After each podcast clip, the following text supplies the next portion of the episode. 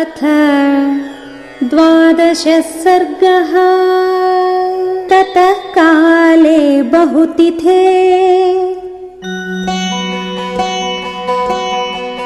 कस्मिंश्चित् सुमनोहरे वसन्ते समनुप्राप्ते। राज्ञो यष्टुम् मनोभवत्